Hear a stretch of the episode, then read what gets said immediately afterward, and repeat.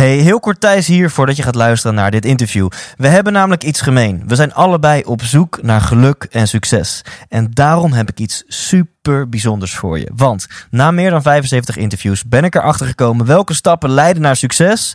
Maar ook dat succes heel vaak niet leidt tot geluk. Wat is nu een methode om succesvol te worden en tegelijkertijd gelukkig te zijn?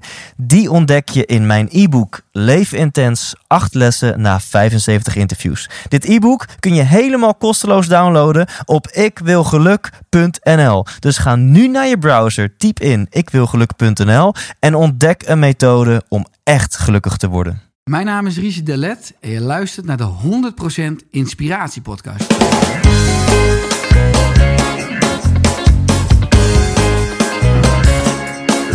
Hey, wat goed dat je luistert. Hij staat weer voor je klaar. Je wekelijkse dosis inspiratie is weer daar.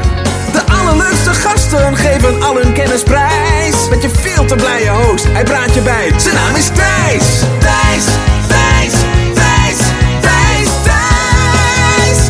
100% Thijs. Welkom, welkom. Het is maandag 19 maart en een nieuwe week staat klaar. En ja, ik weet niet wat jij gaat doen deze week. Maar voor mij wordt het in elk geval een heel bijzonder weekje. Want ik ga deze week twee keer in het theater staan. Ehm, en om dat goed voor te bereiden, heb ik vorige week zondag ook nog een try-out gedaan. En dat was wel even een dingetje voor me. Ehm, ja, om heel eerlijk te zijn, in de voorbereidingen won eh, eh, spanning het meer van plezier. Wat natuurlijk eigenlijk niet de bedoeling is. Maar ja, het was ruim twee jaar geleden dat ik in theater had gestaan. En ik vond het gewoon rete spannend. En ik denk dat mijn lichaam gewoon even een succeservaring nodig had. Dat mijn lichaam even een herinnering nodig had van... hé hey Thijs, ja, maar dit kan je gewoon. En natuurlijk, er valt nog heel veel te schaven. You live, you learn. Je kunt altijd weer verbeteren. Er is altijd weer next level. Maar Thijs, mensen hebben het naar hun zin gehad... en gaan nou gewoon lekker die bühne op. En dat maakt dat ik nu met heel veel plezier uitkijk naar komende week... om die shows te gaan doen. Dus als jij een ticket hebt gekocht voor aankomende woensdag... superleuk, dan gaan we elkaar daar ontmoeten. Nou, en over blijven groeien gesproken, dat lijkt me een hele mooie brug naar mijn gast van deze week. En dat is Richard de Let. En de oplettende luisteraars zullen denken: Thijs, je hebt Richard toch al een keer geïnterviewd? Ja, en dat klopt. En dat is inmiddels het twee na best beluisterde interview van deze podcast geworden. En aangezien nu Richards nieuwe boek uit is, Persoonlijk Leefstijlplan dat leek ons de perfecte gelegenheid om hem nog een keer te interviewen. En ik snap ook wel waarom het vorige interview zo goed beluisterd wordt en zo populair is. Want dit is natuurlijk een onderwerp wat ons allemaal aangaat. We willen allemaal vitaler zijn. We willen allemaal energie hebben in het leven. En wat is nu de realiteit? Daar gaat Richard het uitgebreid over hebben in dit interview. Meer dan 8 miljoen Nederlanders zijn chronisch ziek. En ons huidige zorgsysteem is erop ingesteld om symptomen te bestrijden. Om met een pilletje te komen, een zalfje, een cremmetje, wat jouw klachten behandelt, wat de pijn vermindert, maar wat niet de oorzaak aanpakt, waardoor je ziek blijft. En Richard gaat in dit interview gaat hij in op de oorzaak van de oorzaak van de oorzaak van de oorzaak. Zodat je in dit interview gaat leren wat we met z'n allen kunnen doen om vitaler te zijn. Om als Nederland meer energie te hebben en minder ziektebeelden. Dan twee hele korte mededelingen en dan gaan we starten met het interview. Raak je nu geïnspireerd, raak je enthousiast? Check dan oersterk.nu slash Thijs. En daar krijg je gewoon een hele fikse korting voor de workshop Oersterk in één dag. En dit is de allereerste podcast met een video special. Heb je mijn e-book al gedownload? Dan heb je inmiddels al in je inbox een linkje naar die video. En anders ga naar thijslindhout.com, scroll even omlaag, laat je e-mailadres achter en dan krijg je van mij een linkje naar de video special met Richard Delet. Laat je inspireren en luister naar deze man, want hij weet waar hij het over heeft. Hier is Richard Delet. 100% Thijs. Ik sta hier in een prachtige Heemskerk. Ehm, in de, de oude praktijkruimte, denk ik. Studio, huis van Richard de Let. En jij kijkt me aan in jouw mooie, betoverende blauwe ogen, Richard. Wat wil je worden als je later groot bent? Uh, wat wil ik worden als ik later groot ben? Uh, nou, ik ben al een beetje groot aangezien kinderen mij al aanspreken met u. Dus daar moet ik soms even aan wennen. Maar ik wil gelukkig uh, worden. ben ik steeds meer. En ook ja, vrij. Ik denk dat, dat, dat, dat vrij zijn het het, het ultieme eindpunt is van het leven. En die mag je toelichten. Gelukkig en, eh, en vrij, terwijl hier een boek omvalt. Ja. Voor de mensen die dit kijken, eh, ja, dan zag je dat een boek omviel. Voor de mensen die het luisteren, deze podcast nemen we ook op, op beeld. Dus die kun je ook gewoon op YouTube eh, checken. Ehm licht toe, vrijheid is het ultieme doel. Ja, ik denk dat vrijheid te maken heeft met het leven indelen waar jij gelukkig van wordt. Dat je durft te kiezen voor wat voor jou belangrijk is. Maar ik denk dat vrijheid met name samenhangt met innerlijke, eh, innerlijke, ja, een innerlijke kracht. eh, waarmee je steeds meer loskomt van externe verwachtingen van overtuigingen, van uh, dus steeds meer jezelf wordt, steeds meer schillen kan afpellen, waardoor je bij je eigen kern komt. Ja, En uiteindelijk extern niets meer nodig hebt, omdat je intern voelt dat alles er al is. dus bij je eigen kern komen, dat, dat bevrijdt. Juist. Ja. En zeg je daarmee misschien ook dat al het materiële wat we, waar we vaak met z'n allen achterna jagen, dat dat misschien van minder belang is en dat het echte geluk te vinden is in die connectie met, met je kern? Ja, dat denk ik zeker. Ik vind het heel interessant om te kijken naar het oosten en naar het westen. In het westen zijn we heel slim. In het oosten is men heel wijs. Hè. Wijsheid zijn we hier een beetje verloren. En ik denk dat eh, alles. Ik bedoel, ik ben ook gek op mijn iPhone of op mijn auto.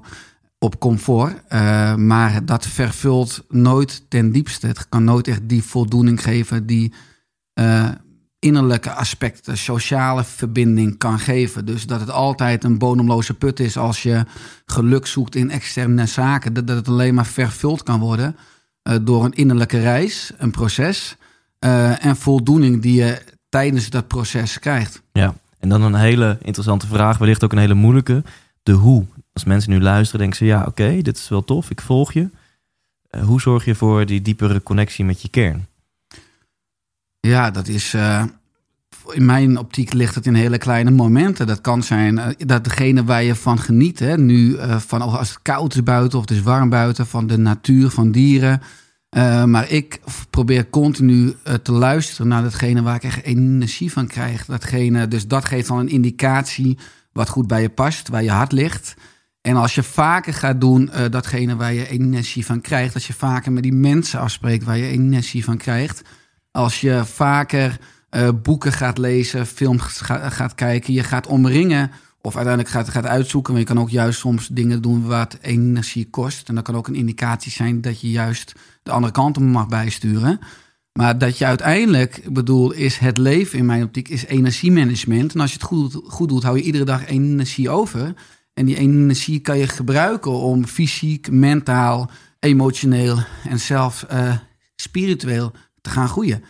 En eh, ja, dat is veel erg. natuurlijk een hele andere eh, discussie. Dan moet ik eh 18 pijnboompitten op mijn salade of 14. Die vraag krijg ik ook. En die koolhydraten en die eiwit, hoe zit het nou precies? En iedereen weet natuurlijk dat er 14 zijn. Ja, 14 inderdaad. Ja. Ik bedoel, dat is nogal dom als je het niet weet. Maar eh, dan maak je het dan ook duidelijk wijs hoor, in een mailtje terug. Ja, ja, maar, eh, precies. ja. Jeetje, ja, want er ligt hier een boek, een persoonlijk leefstijlplan, gaan we het zo over hebben. Je noemt het zelf net energiemanagement. Dat is denk ik een van de eh, belangrijke en, en goede boodschappen die jij te brengen hebt eh, richting Nederland. Om daarmee te beginnen. Hoe mensen lekkerder in de energie kunnen zitten. Hoe mensen meer energie kunnen hebben, mentaal en fysiek. Exact, ja. Ehm, en voordat we de inhoud in gaan duiken, want dat eh, gaan we zeker doen als het aan mij ligt. Ik heb je al een keer eerder geïnterviewd. Mensen die dat interview hebben gehoord weten al wie jij bent. Maar toch, voor die, die paar mensen die misschien nog niet van Richard de Let hebben gehoord, kan je jezelf kort eventjes introduceren. Zeker. Nou, mijn naam is Richard Delet. Ik ben eh 35 jaar jong inmiddels. Ik ben eh, vader. Eh, ik ben eh, getrouwd. Ik woon in Heemskerk. En ik wil als kleine jonge huisarts worden. Ik begon in 2002 aan geneeskunde in Amsterdam. Ik liep vast in 2007 eh, op de medische, medische praktijk. Ik haalde me doctoraal in maart 2007. En in juli besloot ik mijn witte jas aan de wilgen te gaan hangen. Omdat ik een beeld had van arts dat je mensen zou genezen. Dat je contact had met mensen. En ik kon heel slecht ademen met eh, de ego's, de hiërarchie in de artsenkamer. En vanaf 2007 ben ik mijn eigen netwerk, mijn eigen systeem eh, gaan, eh, gaan opzetten. Ben ik op zoek gegaan een beetje naar de DNA van het leven. Hoe kunnen we gezond en gelukkig oud worden? Hoe zijn we verbonden met de, met de natuur? Wat hebben we werkelijk nodig? Wat voedt en wat vult op allerlei lagen. En ja, in 2011 eh, ben ik. Ik had inmiddels in 2008 startte ik mijn praktijk. Dat liep voor geen meter. Want veel mensen zien me toch een beetje als een moderne kwakzalver. Dus artsen wilden niet met me samen gaan werken. Mensen begrepen niet goed wat ik nou deed. Omdat ik toch een beetje een brug ben tussen Oost en West. Ik denk, ik moet al mijn ideeën gaan opschrijven in een folder. Folder liep uit de hand, werd oersterk. Mijn eerste boek, Oersterk, werd een bestseller. Werd een, een, een, tri- een trilogie, een boekserie. En eh, ja, dat gaf eh, heel veel eh, nieuwe uitnodigingen voor presentaties, voor masterclasses. Dus er ontstond een merk, inmiddels eh, een aantal mensen in dienst. Er ontstond een bedrijf. En een passie is eh, ja, een beetje uit de hand gelopen. Maar eh, Wauw. ja, Wauw, ja, een passie is denk ik een missie geworden. absoluut. Wat jouw missie voor de toekomst is, gaan we het ook nog over hebben. Ja. En toch nog even over het begin wat je zegt. Want daarmee zeg je heel veel met heel weinig woorden. Je zegt, ik heb mijn witte jas aan de wilgen gehangen. Want ik kon niet dealen met de ego's. En ik dacht dat we mensen gingen genezen. Maar dat bleek niet zo te zijn. Klopt. Kan je daar eens eh, ehm, een voorbeeld van noemen? Of kan je dat eens toelichten? Ja, als je opgeleid wordt tot arts, eh, fantastische opleiding. Eh, ik denk ook fantastisch de geneeskunde wat we kunnen. eh, met name bij de acute problemen. Dus als je een blinde darmontsteking hebt of een open beenbreuk, een ernstige infectie. Hè, dan moet je niet met een arnica-compressje bij een blinde darmontsteking. Dan moet, dat moet je opereren, eruit snijden. Maar verder leer je vooral de pathologie. Dus alle ziektes en aandoeningen en hoe je dat kunt oplossen. En het zijn grofweg drie opties. Eh, medicijnen, eerste, tweede operaties. En de derde is, we kunnen er niets aan doen of kijken het nog een tijdje aan en het gaat vanzelf over. Ja. Eh, en dat stimuleren van het zelfherstellend vermogen, eh, dus de, de natuur, dat miste ik enorm. Ik had in mijn reguliere opleiding interesse in allerlei andere stromingen, in het oosten, in Ayurveda. Dat, be- dat bestudeerde ik ook. En ja, met chemische medicijnen blokkeer je allerlei processen. Maak je mensen afhankelijk. Ik bedoel, vanuit de evolutie bekeken kan je niet een tekort hebben aan een chemisch medicijn.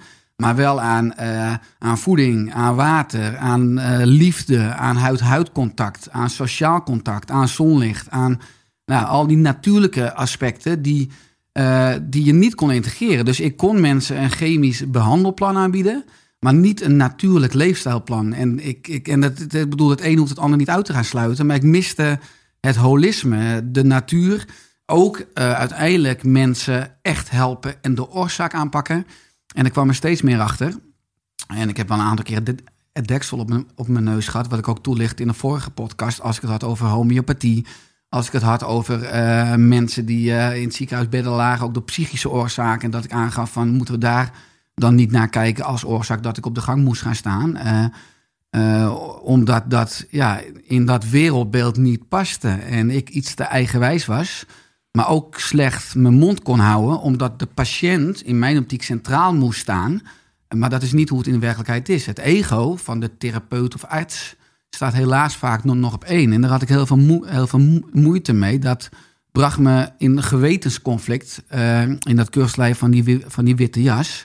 Waardoor ik heel sterk voelde dat ik... eh, en trouwens, ik voelde het, maar ik viel af. Ik sliep slecht. Mijn omgeving vroeg wat ze met je aan de hand. Eh, ik ging vrijdag eh, naar huis uit medisch centrum Alkmaar... waar ik toen, toen stage liep. En ik dacht van shit, ik moet maandag weer, maandag weer heen. Dus ja, ik voelde me gevangen in een verkeerd systeem... met heel veel liefdevolle artsen. Ik heb nog steeds een aantal vrienden overgehouden... aan mijn geneeskundeopleiding tijdperk... Alleen die liefdevolle individuen, die zitten wel gevangen in een ziek systeem. En ik besefte dat ik dat systeem eh, niet kon ver- veranderen, niet kon wijzigen, vanuit intern althans. Eh, dat, dat mezelf ziek zou maken als ik daartegen zou blijven vechten. Dus dat ik genoodzaakt werd, zonder dat ik precies een goed plan B had. Intuïtief, ook vanuit angst hoor. Ik was ook gewoon onzeker en bang. Ik denk, dit is mijn om- omgeving niet. Ik, ik moet hier weg. Dus het was ook een soort vlucht. Eh, ja, en dat zorgde ervoor dat ik eh, uiteindelijk mijn witte jas dus ben op gaan hangen. En me ben uit gaan schrijven op de VU. Ik kwam aanlopen op de, bij de balie in de VU in Amsterdam, in, in Amsterdam. En ik zei, ik wil me uitschrijven. En die vrouw vroeg waarom. Ik zeg zo en zo. Nou, ze zegt, nou, dit heb ik nog nooit meegemaakt in eh 22 jaar. Wauw. Weet je het zeker? Wil je niet nog met de psycholoog praten? Wil je niet nog Ja. met de studieadviseur praten? Eh, nou, dat ik een beetje gek was, dat, dat erken ik inmiddels. En dat, dat zag zij ook uiteraard toen Ja. Maar ja. nee, uiteindelijk zei ik, nee, dat hoeft niet. Het is, ik voelde aan alles dat dit mijn keuze was. Terwijl ik wel eh, ja, in één, eh, ik maakte de sprong in de onzekerheid, want ik had geen idee. Ik kwam eigenlijk in een, ja, in een oerwoud, als je het op Ja. bij oerwoud, waar ik het zelf het pad moest gaan vrijbanen. Want er was niet een voorbeeld, een pionier die je kon bellen, die, eh, die je kon mailen, die mijn weg was gegaan, of wat het toen al was. Dus ik heb alles ja, met vallen vooral veel opstaan en veel leergeld eh, m- moeten uitzoeken. Dus samengevat, ehm, merkte jij dat, ons traditionele, dat de traditionele geneeskunde ehm, gericht is op symptoombestrijding en niet op mensen preventief oersterk maken? Ja. Mensen preventief een vitale levensstijl Ja, klopt. Ja, het, het, het stoort me enorm. Het ziektebad stroomt over en iedereen is druk aan het dweilen. Maar niemand vraagt zich af, wat is nou de kraan? Wat is nou de oorzaak van de oorzaak van de, de oorzaak? En dan moet je altijd de waarom-vraag afstellen. Dat is evolutionair denken. Van nu vragen we altijd de hoe-vraag. Hoe komt het? Hoe kunnen we het oplossen? Hoe kunnen Ja. we het blokkeren? Maar daarmee hou je mensen afhankelijk. En, en eh, uiteindelijk wil ieder mens gezond en gelukkig oud worden. Nou, inmi- inmiddels zijn 8,2 miljoen mensen in ons land chronisch ziek. Dus het is 8,2? miljoen. Ja. En het zal doorgroeien tot 9,4 in 2040. Dus het is fantastisch als je een praktijk hebt voor integrale geneeskunde, wat ik had, waar je kan duizend praktijken vullen. Hè? Maar dat is natuurlijk een slechte grap. Maar Ja. dat is wel zo dat ik kwam wel tot het inzicht dat ziekte een fantastische markt is. Een economie op zich. En dan kan je veel meer aan verdienen. Er zit een verdienmodel onder dan gezond en vitaal leven. Ja. Dus er popt iets op, een, een, eh, uitslag of een puist of diabetes of bloedsuiker, wat dan ook. En, en wij bedenken een pilletje of een behandeling of een operatie die dat symptoom weer wegduwt. Ja. En daar is heel veel geld mee te verdienen. En als je die, Ja. Ja? Ja, ja, en mijn fascinatie is juist, wat is dat lampje nou dat gaat branden, dat oppopt? Dus iemand komt bij de huisarts met een eczeem op zijn onderarm en de huisarts zal een hormoonsalfje geven. Het is alsof het eh, olielampje op het dashboard gaat branden. Je draait het lampje eruit, je gooit het lampje weg, je zegt probleem opgelost. Het is een projectie van binnenuit, uit onze motor. Dus ik vraag me af als iemand een chronische huidklacht hebt, eh, heeft. eh, hey, waarschijnlijk krijgt de lever te veel gifstoffen. Dus gaat de lever de huid gebruiken als extra ontgiftingsorgaan. Nou, stap je ervoor. Hoe kan het dat de lever te veel gifstoffen krijgt? Mogelijk is de darmlek verhoogd doorlaatbaar. Hoe komt het dat de darm verhoogd doorlaatbaar is? Mogelijk omdat iemand iedere dag brood of gluten eet of chronische stress heeft. Hoe kan het dat de, dat de bacteriën in die darm niet, eh, dat microbioom, die, die, die, die balans niet optimaal is? Bijvoorbeeld omdat iemand geen borstvoeding heeft gehad, maar flesvoeding. Of dat iemand niet vaginaal is geboren, maar met de keizersnede. Nou, als je al die, al dus eigenlijk is een, is een foto, die huidklacht, dan moet ik de film van maken om naar de oorzaak te gaan. En als je bij de oorzaak komt, als je een film maakt, dan kan je uiteindelijk iets heel anders aan gaan pakken en verandert die huidklacht. In dit geval bijvoorbeeld die darm, of het immuunsysteem, of soms die psyche. En die huidklacht verandert. In plaats de reguliere geneeskunde behandelt nu altijd een foto. Terwijl het probleem is nooit het probleem. Het probleem is de deur naar de oplossing. Dus je moet van een foto een film gaan maken. En dan ga je naar de oorzaak. En dan maak je mensen onafhankelijk. Door ook dat inzicht te geven hoe lichaam en geest werkt. En hoe die huidklacht ja, een symbool is. Misschien een, een noodkreet is van het lichaam en van geest. Om meer balans te krijgen in een patroon. Maar dat patroon, een eetpatroon, het denkpatroon, het zitpatroon, het ontspanpatroon, het slaappatroon daar zit iets wat, wat, wat, wat, niet bij het ontwerp aansluit. En daar, als je iemand daarbij helpt, ja, dan is het een soort, een soort magische reis. Want een anamnese, hè, wat, we, wat een arts afneemt, betekent ook mensen die geheugenverlies hebben even aan het handje meenemen. Want ze zijn iets verloren op hun, leven, op hun levensweg. En als je ze weer een tijdje aan, aan je handje meeneemt en datgene vindt wat ze verloren zijn, dan zijn ze weer compleet. En dan zal het lichaam het signaal opheffen. Ja, wat een waanzinnig verhaal en goede voorbeelden met een mooie metafoor. En ik denk als mensen dit horen, dat ze denken, wauw, ik wou dat mijn huisarts zo dacht. In plaats van, oh, mevrouw heeft dit. Ja, probeer het zelf je even en als het over twee weken niet over is, kom nog maar eens terug.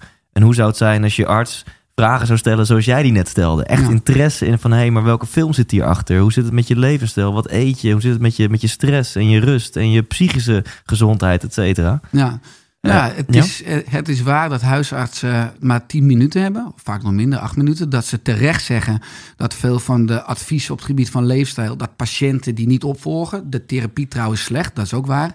Eh, maar uiteindelijk de hele NHG, de standaarden van huisartsen, komen uit onderzoek wat allemaal gesubsidieerd is door de farmaceutische industrie. Dus uiteindelijk denk ik dat dat eh de kwalijkste zaak eigenlijk is. Dat je, ook al denk je dat je bij een huisarts een, een oprecht, eerlijk, onafhankelijk advies krijgt, dat krijg je niet. Het is Het is al commercieel beïnvloed uh, door het onderzoek wat al vanuit een bepaalde intentie plaatsvindt. Vanuit medicijnen, vanuit inkomsten, uh, vanuit aandeelhouders. En ik denk als we patiënten, en ik denk dat die geneeskunde gaat ontstaan hoor, we hebben nu bijna 100 miljard euro zorgkosten. Dus er moet noodzaak ontstaan. En in het oosten zeggen ze ook vanuit chaos ontstaat nieuwe orde. Dus ja, daar kunnen we wel op wachten. Maar ik wil daar graag een steentje aan bijdragen door met name inderdaad preventief. Als je op de geneeskundeopleiding nou leert wat ieder, wat je lever en je bloedstolling of je hersenen of je mild nodig hebben om te kunnen functioneren, maar ook wanneer ze ziek worden, wat je daaraan kan doen.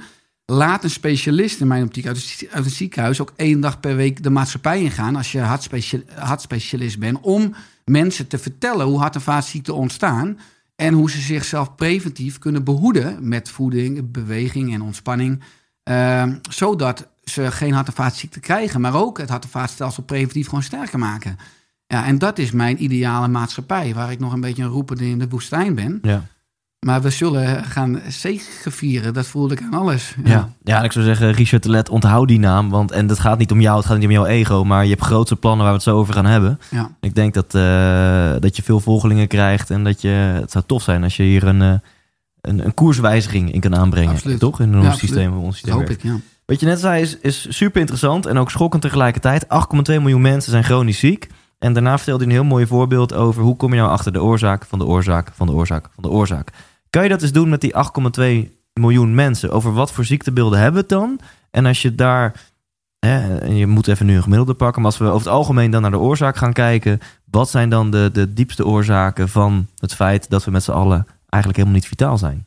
Ja, dat is een hele mooie brede vraag. Ik denk als je gaat kijken naar die 8,2 miljoen mensen die chronisch ziek zijn. Het is een combinatie van uh, auto-immuunziekten, van diabetes type 2, echt een welvaartsziekte, van kanker. Uh, maar ook bijvoorbeeld een ziekte als eczeem of hooikoorts. Als mensen daar medicijnen voor hebben, dan ben je officieel ook chronisch ziek. Uh, tenminste, zo noemen we dat dan. En als je kijkt, ik zie ziekte als een signaal dat, dat er een conflict is tussen de genen en de leefomgeving. Dus ik schrijf in Oersterk, schreef ik al, dat onze genen begrijpen geen bal meer van ons huidige gedrag in onze leefomgeving. Dus als je dan gelijk de brug maakt naar de inhoud van mijn boek en van mijn diensten. Kijk, als je kijkt hoe de maatschappij gemiddeld leeft, dan vind ik het een wonder als je me omdraait dat maar 8,2 miljoen mensen chronisch ziek zijn. Want eigenlijk zouden er ook 15 miljoen kunnen zijn. Want een heleboel mensen vinden mij afwijkend. Uh, maar ik kijk naar een enorm afwijkende maatschappij. Ik voel me als een van de weinigen normaal. Dus we zijn norm en afwijking een beetje door elkaar gaan halen. Ja. Uh, maar mensen eten gemiddeld zes keer per dag. Hè, uh, tussendoortjes. Nou, daar begrijpen onze genen geen bal van. Want wij zijn gemaakt voor niet eten. Dus hoe minder vaak je per dag eet, hoe gezonder het is. mensen hebben altijd een waterflesje bij zich. Ook als ze gaan gaan sporten, et cetera. Drinken honderd slokjes op een dag. Nou, daar begrijpen onze genen ook geen bal van. Daar krijgen we ook laaggradige ontstekingen van. En dat is eigenlijk de rode draad onder westerse, onder westerse welvaartsziektes. Mensen zitten gemiddeld 10,6 uur per dag. Nou, dat, is, dat zorgt voor afbraken van uh, spieren, pezen, maar ook orgaanfuncties, breinfunctie. We zijn totaal niet gemaakt voor lang stilzitten. Uh, alles in, in de natuur wat langs stil zit of niet beweegt, gaat dood. Of is aan het doodgaan. Is aan het afbreken in ieder geval. Uh, maar misschien nog het belangrijkste, we hebben een diep tekort aan, aan diepe ontspanning. en diepe ontspanning, daar kom ik ook een beetje op mijn rode draad uit jouw podcast. Dat heb je pas echt als je vrede in je hoofd hebt. Dus het gaat over mindset. Maar het gaat ook over, over slaap, over sociale voeding met, met mensen, met vrienden afspreken waar je energie van krijgt. dat gaat ook over, als je het hebt over ontspanning, over acute stress. Dat vindt ons lichaam fantastisch. Een koude douche. Uh, een sauna, Spaanse peper, knoflook. Er zitten ook allerlei acute stressstofjes in. Maar we, we, we leven in het land der softies. En, uh, en ons lichaam, zeker als je gezond en gelukkig wil oud worden, heeft acute stress nodig. En dat is er bijna niet meer. En wat er wel is, is chronische stress. Ja. En chronische stress maakt alles nou ja, ja. eigenlijk minder, minder sterk. En uiteindelijk dikker, moeier, prikkelbaarder en zieker. En dat zie je terug in de huidige, huidige maatschappij. Ja, dus je zegt mensen eten zes keer per dag. Mensen drinken honderd keer per dag. Mensen hebben een tekort aan diepe ontspanning. En tegelijkertijd zeg je, om die diepe ontspanning te bereiken... is het soms goed om jezelf, om je lichaam een shockreactie te geven. Dus door die koude douche, door die sauna, door uh, knoflook, door pepers. Ja, en door meer te gaan slapen en door meer te gaan, en door meer te gaan bewegen. Ik denk dat zijn een aantal open deuren die ik intrap. Maar de gemiddelde mens die gedraagt zich totaal niet meer bij zijn ontwerp. En die mismatch, kijk, in de geneeskunde praten we altijd over klachten. Alleen ik vind klachten eigenlijk een verkeerd woord. Ik spreek liever over signalen. De natuur wil niet dood, de natuur wil niet ziek worden. Maar je lichaam ja, komt met een klacht of een signaal, omdat je wil laten weten dat je ergens mag bijsturen. En wat we leren nu van het voedingscentrum, van een heleboel experts en goeroes, uh, sluit totaal niet aan op de evolutionaire geneeskunde. Iets wat mij enorm fascineert. Uh, en we moeten veel meer, we moeten parttime als 21, 21e eeuw mens leven en parttime als oermens. We moeten het beste van vroeger combineren met het beste van nu. Ik heb ook geen zin om in een hutje met een knuppel op de hei te gaan wonen. Zo primitief hoeft, mm -hmm. hoeft het niet. Alleen uh, mijn lichaam, mijn stofwisseling is wel, uh, heeft wel bepaalde noodzaken nodig. Ja, en die noodzaken van honger, dorst, kou, de nieuwsgierigheid. Vroeger was ik nieuwsgierig toen ik 15 jaar was. Toen wou ik een stereotoren hebben. En uh, ja, toen moest ik naar de mediamarkt toe fietsen. Dus nieuwsgierigheid was altijd een beweegprikkel, een vitale prikkel. Nou, nu wil ik een nieuwe stereotoren hebben, bij wijze van. En ik heb mediamarkt.nl in mijn broekzak zitten. Een iPhone waarin alle antwoorden zitten. Dus in die zin is zelf een iPhone is een factor die, aan de, die mede aan de basis staat van ontstekingen. Ja. Omdat het ons uh, geen noodzaak meer geeft om je stoel uit te komen. En dat klinkt allemaal heel erg uh, ja, subtiel en alsof het geen enkele invloed heeft. Maar op maatschappelijk niveau is, zijn al die comfort waar we nu in zwemmen, is één groot drama. Ja, en um, om toch nog even te hebben over diepe ontspanning. Dat is een mooi linkje, denk ja. ik, met hoe je deze podcast begon. Die, die ja. diepe connectie met je innerlijke kern. Dat dat ja. echt gelukkig maakt en dat dat bevrijdt. Um, hoe, hoe komt het dat we dat de meeste mensen zo weinig echt ontspannen in hun leven? In elk geval hier, wij hier in het Westen in Nederland. Ja, daar kunnen ze niets aan doen. Het is een fout in ons ontwerp. Als je, als je kijkt naar, naar onze hersenen, dan hebben we een oerbrein. Het oerbrein bestaat uit uh, de hersenstam, het reptielbrein en het limbisch systeem, het emotionele brein. Emoties, maar ook angst zit daar. En daaropheen, daaroverheen ligt eigenlijk uh, de frontale cortex, het mensbrein, ja. het verstand. Uh, en het oerbrein is veel ouder. Als je, als je een klok zou hebben van 24 uur, bestaat het mensbrein slechts ongeveer vijf minuutjes. Dus het oerbrein heeft heel veel verbindingen met besturingscentra. Dus zet ons letterlijk in actie. En het oerbrein wil het liefst in de comfortzone blijven. Dus uh, is altijd bang voor verandering. Ja. Uh, het oerbrein is liever bekend ongelukkig dan onbekend gelukkig. Dat, dat fascineert me enorm. Uh, en dat zorgt ervoor dat we ja, niet in actie komen. En het oerbrein, we hebben drie instincten. Een voorkeur voor zoet en zout, een voorkeur voor luis zijn... en de derde een voorkeur voor prikkels. In het oerbrein zit een soort hypergevoelige scanner voor prikkels. Want op de savanne in Afrika moesten we altijd alert zijn... op een roofdier of op een rots dat, dat een berg afrolde. Want als we daar wat gebeurde, dan kon het potentieel betekenen dat we doodgingen. Dus we hebben een beetje een hersengebied, dat noem ik het ja-maar hersengebied. Dat altijd ja. denkt van, ja, wat als? En ja, maar. En pas op. En wij zien veel eerder gevaar, problemen, uh, blokkades.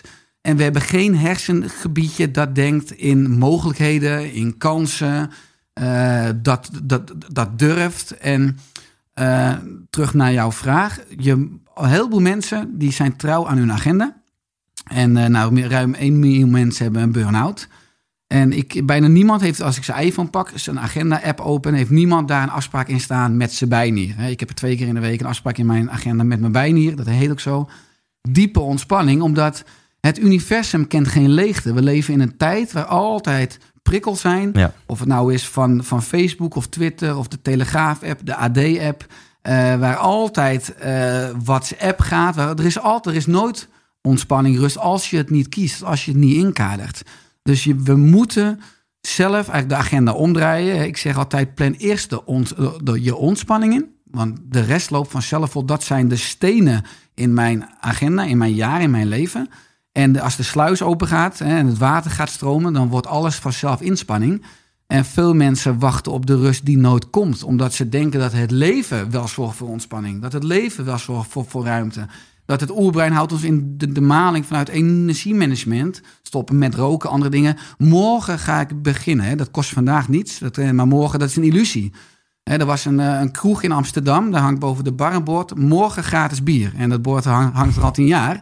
Dat bestaat geen morgen. Dus het bestaat alleen maar vandaag. Dus, maar terug naar, we zijn slachtoffer van ons eigen ontwerp. Ja, dus mensen verwachten dat die ontspanning wel komt. Vond ik mooi dat je dat zei. Maar die, het leven geeft niet gratis ineens ontspanning. Het Nee. leven geeft alleen maar prikkels. Ja. En je noemde drie dingen geloof ik. Zijn, ons oerbrein is echt fucking gevoelig voor zoet en zout. Ja, Voor luiheid, zei je Voor dat? lui zijn Ja, voor lui zijn en en, voor voor prikkel. prikkels. Ja, dus er zijn drie instincten die een negatieve impact hebben. Zoet en zout op voeding, eh, op lui zijn, op beweging en prikkels voor ontspanning. Dus we zijn gedoemd, Ja. zeg, als je leest publicaties, er staat we zijn gedoemd om te mislukken. Precies. En als je zegt, nou dat oerbrein dat is dus 23 uur en 55 minuten oud. En je, je nieuwere brein is 5 minuutjes oud. Dan, dan weet je wel, worden we gedreven door oerbrein. Ja, dat is waar we gewoon primair door worden gedreven. Ja. En we zijn dus zo geprogrammeerd dat we zakkers zijn voor prikkels, voor luiheid en voor slechte voeding eigenlijk.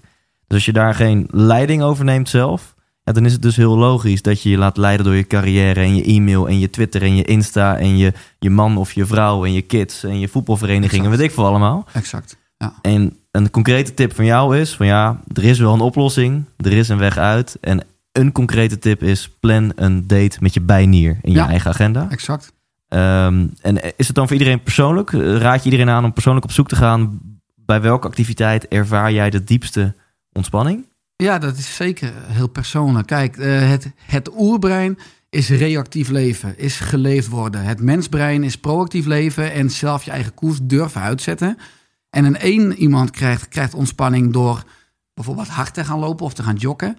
Terwijl eh, een ander weer diepe, diepe ontspanning krijgt door te gaan mediteren. Maar je hebt mensen die zeggen, als ik ga mediteren, ik ga zitten, ik word gek, weet je wel. Ik, moet, ik ga liever wandelen of de hond Ja. uitlaten of zwemmen. Of dus ontspanning vinden in beweging. En een ander zegt van nee, ik moet juist, juist gaan zitten. En dus dat is, dat is afhankelijk van de persoon. Ja. Ja. Maar er zijn een heleboel diepe ontspanningsvormen, oefeningen. Ja. Check.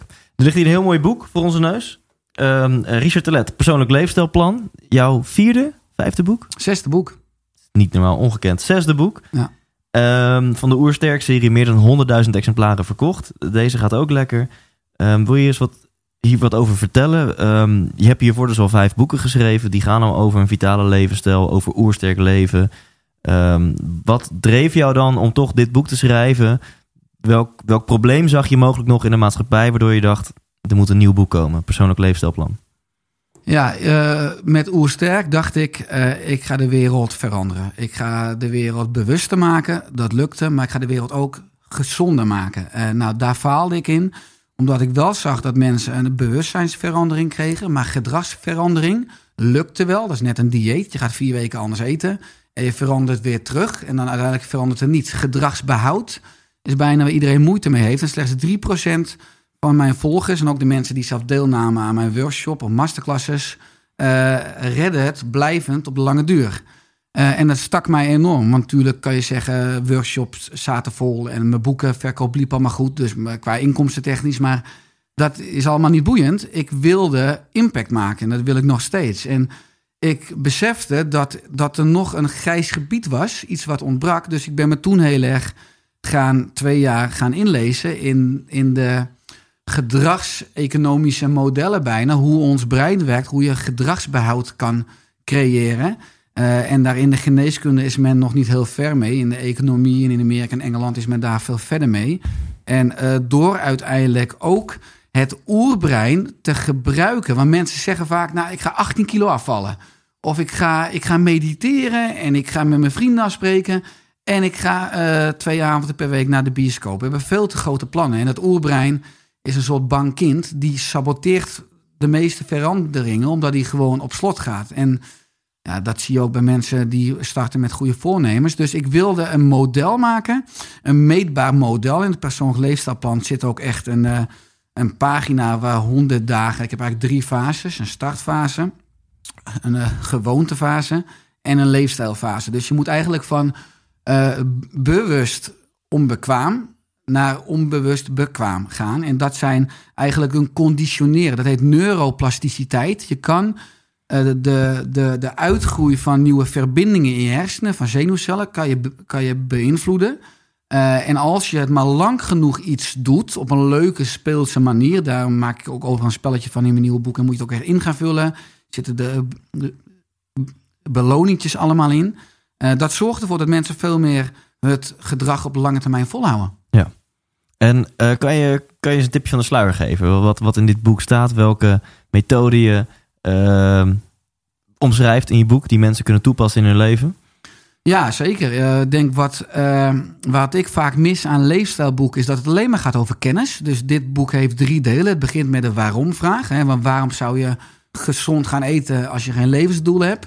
Uh, waarom zou je in beweging komen als je het leven als zinloos ervaart? Dus de waarom-vraag. Wat zijn je kernwaarden? en wat, waar ervaar jij zingeving in? Daar start ik mee. Nou, als dat helder is, dan komt inderdaad het persoonlijk leefstijlplan. Dus bijvoorbeeld nodig ik mensen uit om uh, op het niveau van uh, voeding één maaltijd per dag minder te gaan eten, om daarmee te gaan starten. Maar bijvoorbeeld ook in plaats van 100 slokjes op een dag, gewoon op drie momenten per dag drie glazen in één keer drinken. Dat noemen we bulk drinken. Dus ik voor mijn ontbijt neem ik drie glazen water. Tussen mijn ontbijt en mijn lunch. En tussen mijn lunch en mijn avondeten.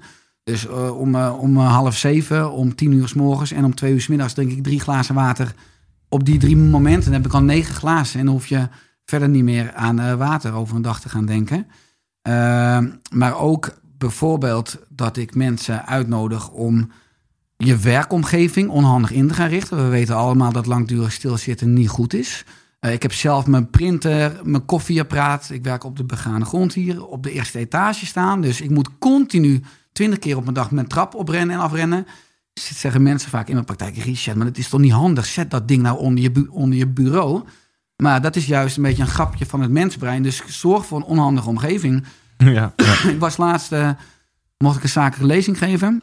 Toen sprak een uh, professor voor me uit, uh, uit Leiden. En die sprak voor mij, die bleef ook naar mijn lezing luisteren. En die kwam achteraf naar me toe. Die zei, Richard, interessant wat je zei over beweging. Want ik heb al tien jaar in mijn werkkamer een bewegingssensor... En ieder half uur valt mijn licht uit. Dan moet ik gaan staan. Dan moet ik naar het hoekje van de kamer gaan zwaaien. Want daar hangt de sensor. Dan gaat mijn licht aan. En mijn hele werkvloer zegt al jaren van... Gabriel, uh, zet er nou een keer gewoon een normale lichtknop op. Want je bent toch gek dat je ieder half uur weer moet opstaan. Maar hij zei, ik voelde intuïtief dat ik scherper was. Dat ik productiever was. Dat ik efficiënter was. Hij zei, en nu begrijp ik naar jouw verhaal dat het ook klopt. Dat we eigenlijk niet langer dan een half uur, 45 minuten moeten stilzitten. Omdat we dan onze spieren gaan afbreken. Wat ook een negatief effect heeft op ons brein en concentratie en focus. Ja. Uh, dus dat is een tip. Maar de belangrijkste tip. Want iedereen heeft het tijd over uh, superfoods, voeding, over beweging en crossfit en sport en fitness. Maar in, ik vind de belangrijkste leefstijlpijler ontspanning. Je moet met ontspanning beginnen als je wil aankomen, als je wil afvallen, als je wil genezen, als je wil opbouwen. Genezen sterker worden opbouwen gaat over parasympathicus, dat deel van het zenuwstelsel, wat pas aanstaat bij diepe ontspanning. Dus ik vind ontspanning de belangrijkste leefstijlpijler. En ontspanning is eigenlijk de vruchtbare aarde waarin de zaadjes van beweging en voeding kunnen, kunnen ontkiemen. Kun je dus wat vertellen over die parasympathicus? Blijkbaar is dat een heel belangrijk ding in je ja. lichaam, wat ervoor zorgt dat je weer kan herstellen, dat je krachtiger kunt worden. En, en, en dat, dat ding werkt pas bij ultieme ontspanning. Ja. Maar vertel er eens wat over, over die parasympathicus. Ja, we hebben twee delen in het zenuwstelsel. Sympathicus, nou dat is als je ergens van schrikt. Uh, of als je een podcast moet opnemen en je vindt het eng. Dat je hartslag enorm omhoog gaat. Of dat je een droge mond krijgt en pupillen. Dus bij stress je gevaar als een roofdier was. Dan moest je alert zijn, want je kon potentieel doodgaan. Dus, maar als de stressas aangaat dan gaat eigenlijk, dan wordt er een rem gezet op het herstel, op opbouw. Want overleven staat evolutionair op één. Dat betekent als er weer veiligheid of rust is, dan gaat de sympathicus weer uit, de sympathicus, en dan gaat de parasympathicus aan. Ja. Dat betekent ook, dan gaat je hartslag omlaag, je kan weer wat creatiever denken, je hebt weer voldoende speeksel in je mond. Uh, maar ook het herstel mag weer gebeuren in je lichaam. Iedere cel is natuurlijk uiteindelijk iedere dag schade en dat bouwen we, dat herstellen we s'nachts in onze slaap. Uh, en uh, parasympathisch is eigenlijk. Ja, er zijn allerlei oefeningen voor in het oosten. Dat bijvoorbeeld als je drie keer diep ademhaalt. Hè, dat is natuurlijk in het oosten werkt ze heel erg met visualisatie. Is een manier om diepe ontspanning te kunnen ervaren. Je gewenste toekomst. Ook al is uh, vandaag ellende, heb je vandaag pijn. dus je werkelijkheid, hoe je die fysiek ervaart. Je hebt altijd het vermogen om met je geest een andere werkelijkheid uh, aan te gaan stippen. Een andere werkelijkheid op te gaan zoeken. In een andere werkelijkheid te verkeren. En als je daar maar vaak genoeg bent, uh, dan zal dat de nieuwe werkelijkheid gaan worden. Dat is eigenlijk ook wat ik in het persoonlijk leefstijlplan zeg. Zorg voor een concreet doel. Dat is het mensbrein. Het woord is het mensbrein. Het oerbrein kan, kan niks met woorden. Het oerbrein werkt alleen maar met emotie met plaatjes. Zorg voor dagelijks actie. Zorg voor zelfwaardering. Ga van jezelf houden. Wees wat liever voor jezelf. En gezondheid en geluk zijn pas het resultaat van die vier stappen, van dat proces. Maar dus als je met je ademhaling drie keer diep ademhaalt, visualisatie, een warm bad, een koude douche. Al die activiteiten die zorgen ervoor dat ja, de parasympathicus aangaat. Dat je gaat herstellen, dat je gaat helen, dat je gaat opbouwen. En uh, ja, dat is een gevoel wat iedereen dat is herkent. Als je die afspraak in je agenda hebt, afspraak met je bijnier, dat je denkt, oh, dan ga ik dat boek lezen. Oh, dan ga ik in bad. Of dan ga ik weer met, met die vriend of vriendin wat in, in de kroeg drinken. Of, en als je daaraan denkt, dan voel je al bijna die ontlading, die diepe ontspanning. Nou, die staat, daar mogen we, of zouden we, moeten we voor een optimaal leven veel meer op gaan zoeken. En dat betekent durven kiezen. En durven kiezen. Het oerbrein kan niet, kan niet, niet kiezen, want het oerbrein wil altijd erkend worden. Je zegt altijd ja, maar je moet dus nee durven zeggen. Of je moet heel veel nee gaan zeggen. Uh, en uiteindelijk alleen maar ja gaan zeggen tegen die dingen die uiteindelijk aansluiten bij je geluk. Uh, bij, je, bij, je, bij, je, bij je lichaam, bij je genen zou ik bijna zeggen. Uh, maar ook bij je parasympathicus. Ja. ja. Ja. volgens mij kan ik jou nog tien vragen stellen en dan komen er weer tien geniale antwoorden uit met concrete tips. Maar laten we mensen gewoon stimuleren om dit boek te gaan bestellen als ze enthousiast zijn. Waar, waar kunnen mensen dit boek Persoonlijk Leefstijlplan kopen? Uh, bol.com, boekhandel, maar natuurlijk ook via www.oersterk.nu, mijn eigen website. Oké, dat is misschien het handigst. Ja, Oersterk.nu. Ja. ja. en dan kunnen ze hem gewoon, uh, gewoon bestellen. Uh, laten we een kijkje nemen naar de toekomst. Want je zei net heel bescheiden dat je toen je, je witty had het opgehangen. En je zei ja, ook wel een beetje vanuit onzekerheid en angst en zo. Ah, volgens mij zat er toen al een hele diepe missie onder. Die later steeds ja, gaan ontpopt, eigen levens gaan leiden. En, en nu is die missie volgens mij helemaal vruchtbaar en, en klaar voor de toekomst. Ja. Kun je daar eens wat over vertellen? Wat is jouw missie en, en welke concrete stappen gaan, uh, ga jij in de toekomst nemen? Ja, het is mijn missie dat, er, uh, dat de preventieve leefstijlgeneeskunde een, uh, een centrale plek krijgt in onze zorg.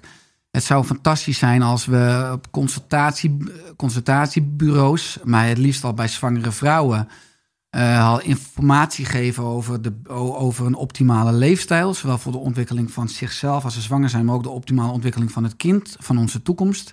Als we op basisscholen, ben ik ook mee bezig, lespakketten gaan ontwikkelen over leefstijl.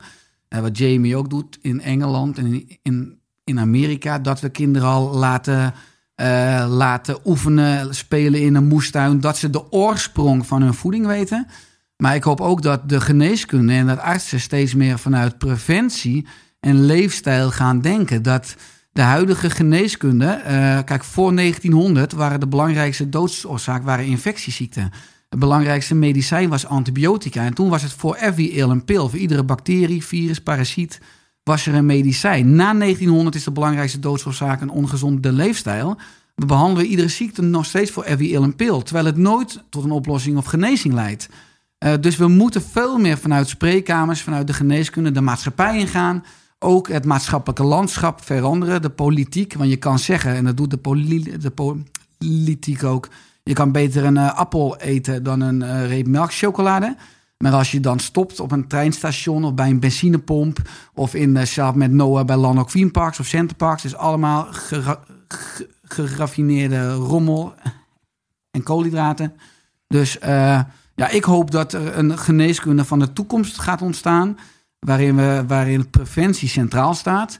Dat we de maatschappelijke omgeving gaan veranderen. Waar mensen zijn weerloze zoetekouwen. De oermens had geen sixpack omdat hij het zelf wilde. Omdat hij een smoothie ging maken met superfoods. Omdat hij zich morgens 50 keer ging opdrukken. De omgeving dwong het af. De omgeving was de creator.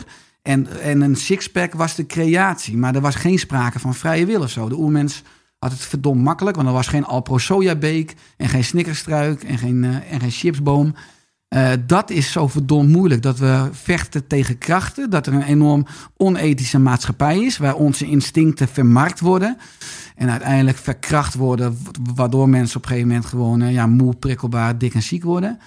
En ik hoop dat in de politiek, de geneeskunde. En heel maatschappij breed uiteindelijk veel met die boodschap gaat klinken. Jongens, we hebben maar één leven. Dit is geen generale. we, we zijn sociale dieren. We hebben een verantwoordelijkheid over elkaar. We hebben een verantwoordelijkheid over de hele aarde. we moeten de aarde, dat is onze plicht, want die lenen we vitale doorgeven aan onze kinderen. En laten we ons gedrag uh, en onze primaire drijfveren, onze motieven, ook financieel, uiteindelijk afstemmen op dat grotere, wat veel groter is dan ons. Uh, en ik denk dat dat onze plicht is. En ik hoop daarin een klein steentje bij te gaan dragen. Een klein steentje? Nou, in Nederland, dat is een klein land. Maar uiteindelijk hoop ik wel dat, dat het als een virus zich, als een positief virus zich uiteindelijk gaat uitspreiden. Ja, ja. Uh, want je hebt al een aantal in gedachten, toch? Het aantal mensen dat jij in de komende jaren wil gaan bereiken met jouw persoonlijk leefstijlplan, met jouw oersterke preventieve levensstijl. Ja, dat klopt. Dat zijn 1, 1 miljoen mensen in 2022. Ja. ja. Nou, op zich, als deze podcast uit is, dan, dan zit je er al dik over. Ja, precies. ik ben ook blij dat dit eigenlijk de afsluiting is van, van mijn carrière. ja, ja, ja, precies. Weten dat dit zal niet worden. hij, hij, gaat ook in 52 talen vertaald worden, heb ik al van mijn editor gehoord. Ja. Te gek. En um, um, ook, ik heb heel veel ondernemers die luisteren, die denken zo, gaaf, uh, dat, is, dat is een groot doel. Heel veel van mijn luisteraars hebben zelf ook grote doelen. Ja. Misschien leuk om nu misschien die kant even te belichten. Wat, wat is dan jouw plan van aanpak? Wat je daar al van mag delen dan om, om ja, jouw missie te gaan bereiken? Want je hebt nog vier jaar om, om een miljoen mensen te bereiken. Ja, ja, ja, dus ik ga niet meer slapen vier jaar. Ik ga alleen maar in zaaltjes praten. Nee, ik uh, wil een eigen opleiding starten in januari 2019. Uh, eh, opleiding tot oersterk uh, trainer of coach. dus ik wil mijn eigen mensen gaan opleiden. Heel breed. Het wordt een unieke opleiding. Niet alleen maar de juiste kennis over het lichaam, de stofwisseling, maar ook bijvoorbeeld over, over de, de business en over mindset. Dat, dat de, totale leven, de totale mens eigenlijk behandeld wordt, ook in de opleiding. Uh, ik uh, ja, zal die therapeuten uiteindelijk, of die trainers, die coaches, die zullen natuurlijk ook het, het land ingaan. Ik ben nu bezig om ook in Den Haag uh, de politiek mee te krijgen om uh, veel meer preventie op de agenda te gaan zetten. Dus ik hoop ook dat dat uh, eind april, begin mei dit jaar, dat ik in wat nationale media zichtbaar ga, uh, zal zijn, omdat ja. ik dat wat, wat groots ga aanvliegen. en ja, ik krijg gelukkig steeds meer uitnodigingen voor lezingen, presentaties, ook zakelijk. Dat vind ik wel enorm prikkelend als je gaat kijken naar ondernemers. Is dat ze allemaal enorm bezig zijn met hun financieel scorebord, maar dat hun uh, het scorebord van hun lichaam uh, ja, heel veel onvoldoendes laat zien. En dat ze in een soort gouden kooi zitten en een zakelijk succes inruilen voor een fysieke en mentale welzijn op de lange termijn. En uh, ja, dat is in mijn optiek de verkeerde ruilhandel. Je kan ja. pas, je, je, je, je bedrijf is uiteindelijk ook afhankelijk van jezelf. Dus je moet zorgen dat je zelf optimaal functioneert. Uh, dat alle pijlers en sleutelprincipes goed lopen, goed draaien. Of dat je die herstelt, zodat je ook je bedrijf, je, want uiteindelijk komt dat terug in energie en creativiteit, het beste kan dienen. Ja. En um, ja, laten we naar het slot van dit interview gaan. Ik wil zo meteen ook nog een teaser met je opnemen. Uh, die is dan exclusief voor mensen die ook op thijslindhout.nl hun e-mailadres hebben achtergelaten. Uh, en we mogen volgens mij nog wat boeken verloten. Klopt dat? Ja, ik bied graag vijf boeken aan van het persoonlijk leefstijlplan. Niet normaal. Liggen hier vijf boeken. zal ondertekenen uiteraard. Uh, prachtige koffer. Heb je een model voor ingevlogen. En, uh, oh, je bent het zelf. Ja, ja, Photoshop. ja, ja, te gek. Um, en mensen kunnen gewoon vijf boeken winnen. En in de outro van deze aflevering ga ik ze vertellen wat ze moeten doen om daarvoor in, in aanmerking te komen. Ja.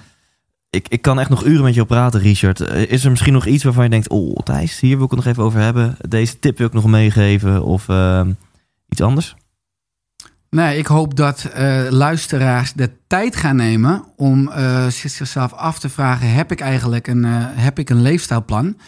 En is die kennis die in het leefstijlplan staat, hoe kom ik daaraan? Hè? Als ik nu iedere dag brood eet, of een bakje yoghurt eet, of zes keer per dag eet, nou, dan ben je aardig bezig om te, om te ontsteken. Dus op lange termijn de kans te vergroten om ziek te worden. Uh, dus is mijn leefstijlplan, sluit dat aan bij mijn missie, bijvoorbeeld gezond en gelukkig oud worden. en ik, ik heb nog weinig mensen mogen ontmoeten die het juiste leefstijlplan hebben. Dus kijk eens kritisch naar je leefstijl. waar ik kan, wil ik de luisteraar graag inspireren om dat leefstijlplan een update te geven. Maar alles begint met tijd inruimen. En om uiteindelijk die pijlers te integreren En uiteindelijk heet het proces op het brein neuroplasticiteit en op de gene, niveau van de gene epigenetica. Dus je kan letterlijk met alles wat je eet, drinkt, denkt en doet, praat je met je genen. Zet je genen aan en uit, kan je sterker of zwakker maken.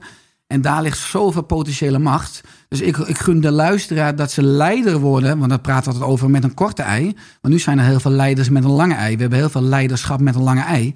De maatschappij wordt steeds zieker en dikker en moeier en prikkelbaarder. En ik hoop dat de revolutie komt uiteindelijk van onderaf. Dus beginnen bij de luisteraar en niet van het politieke systeem of het geneeskundesysteem. Helaas, dat zal nog een tientallen jaren duren. Dus kom in actie en maak je eigen plan. En, en waarborg daarmee jouw kwaliteit Ja. van leven vandaag, maar ook morgen. Nou, dan weet ik heel goed eh, hoe ik je ga uitdagen zo dadelijk na de uitzending om een special op te nemen. Want dan mag jij vertellen hoe eh, de luisteraar in drie minuten per dag zijn levensstijl kan gaan aanpassen. Eh, waarom ik dat vraag is dat ik ben zelf super druk, jij bent druk, mijn luisteraars zijn druk. En, en het, ook al is die why heel groot, ook al weet je van verdomde, dit is zo belangrijk en Richard inspireert me, ik moet hier wat aan doen.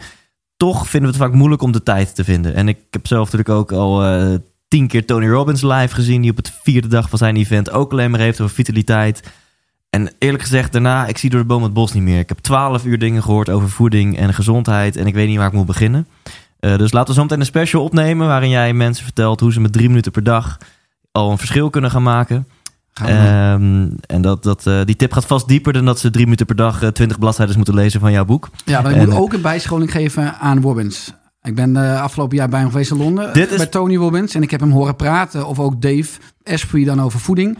En hij loopt een aantal jaar achter. Dus ik, wil, ik zal Tony, is mijn plan ook aankomend jaar even een appje sturen. Dat ik hem even een juiste bijscholing Kijk, geef over voeding. Kijk, dus ben jij benieuwd hoe jij in drie minuten per dag je levensstijl kan aanpassen? En ben jij benieuwd welke pointers Richard de Let heeft voor Tony Robbins? Want we laten eerlijk zijn, hij is de goeroe op zelfhulpgebied. En jij bent de goeroe op, eh, op levensstijlgebied, op vitaliteitsgebied. Ehm, te gek. Dankjewel, Richard. Dankjewel. Thijs.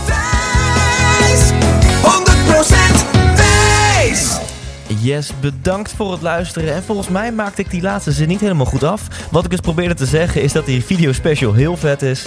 Eh, hij geeft er 5, 6 tips die je elke dag kunt toepassen. En die amper extra tijd kosten. Maar die wel een significante bijdrage leveren, aan meer vitaliteit en meer energie. En als je mijn e-book hebt gedownload, dan heb je gewoon al een linkje naar die video in je inbox. En anders ga even naar thijslindhout.com. Scroll omlaag, download mijn e-book. Heb je sowieso gewoon een heel vet gratis e-book. En heb je een linkje naar die video special. En in die video special hoor je ook nog hoe je een van de vijf gesigneerde boeken Persoonlijk Leefstijlplan kunt winnen. Het is bijna allemaal te mooi om waar te zijn, maar het is gewoon mooi. Dus ga dat doen. En wil je nu dat Richard jou persoonlijk gaat begeleiden? Ga dan naar oersterk.nu slash Thijs. En daar kun je aanmelden voor één van de workshops Oersterk in één dag. En die worden door Richard persoonlijk gegeven. Er is nog plek voor de workshop in april, in mei en in juni. En je krijgt alleen als luisteraar van deze podcast gewoon een dikke 50 euro korting. Ik kan dit je 100% vanuit mijn hart aanbevelen. Dus check oersterk.nu slash Thijs. En meld je aan voor een van die workshopdagen. Je zal er geen spijt van krijgen. Bedankt voor het luisteren naar deze aflevering. Volgende week staat er weer een nieuwe aflevering voor je klaar. Wellicht tot aankomende woensdag. En leef intens. Hey, Thijs hier nog even heel kort. Als je dit interview hebt geluisterd, dan ben je net zo'n gelukstijgertje als ik. En dan is er maar één ding wat je nu het allerbeste kunt doen. Namelijk gaan naar ikwilgeluk.nl, want daar download je helemaal kosteloos mijn e-book en ontdek je wat wel en niet gelukkig maakt. Oftewel, bespaar jezelf een hele hoop ellende van het zelf proberen uit te vogelen en ga nu naar ikwilgeluk.nl.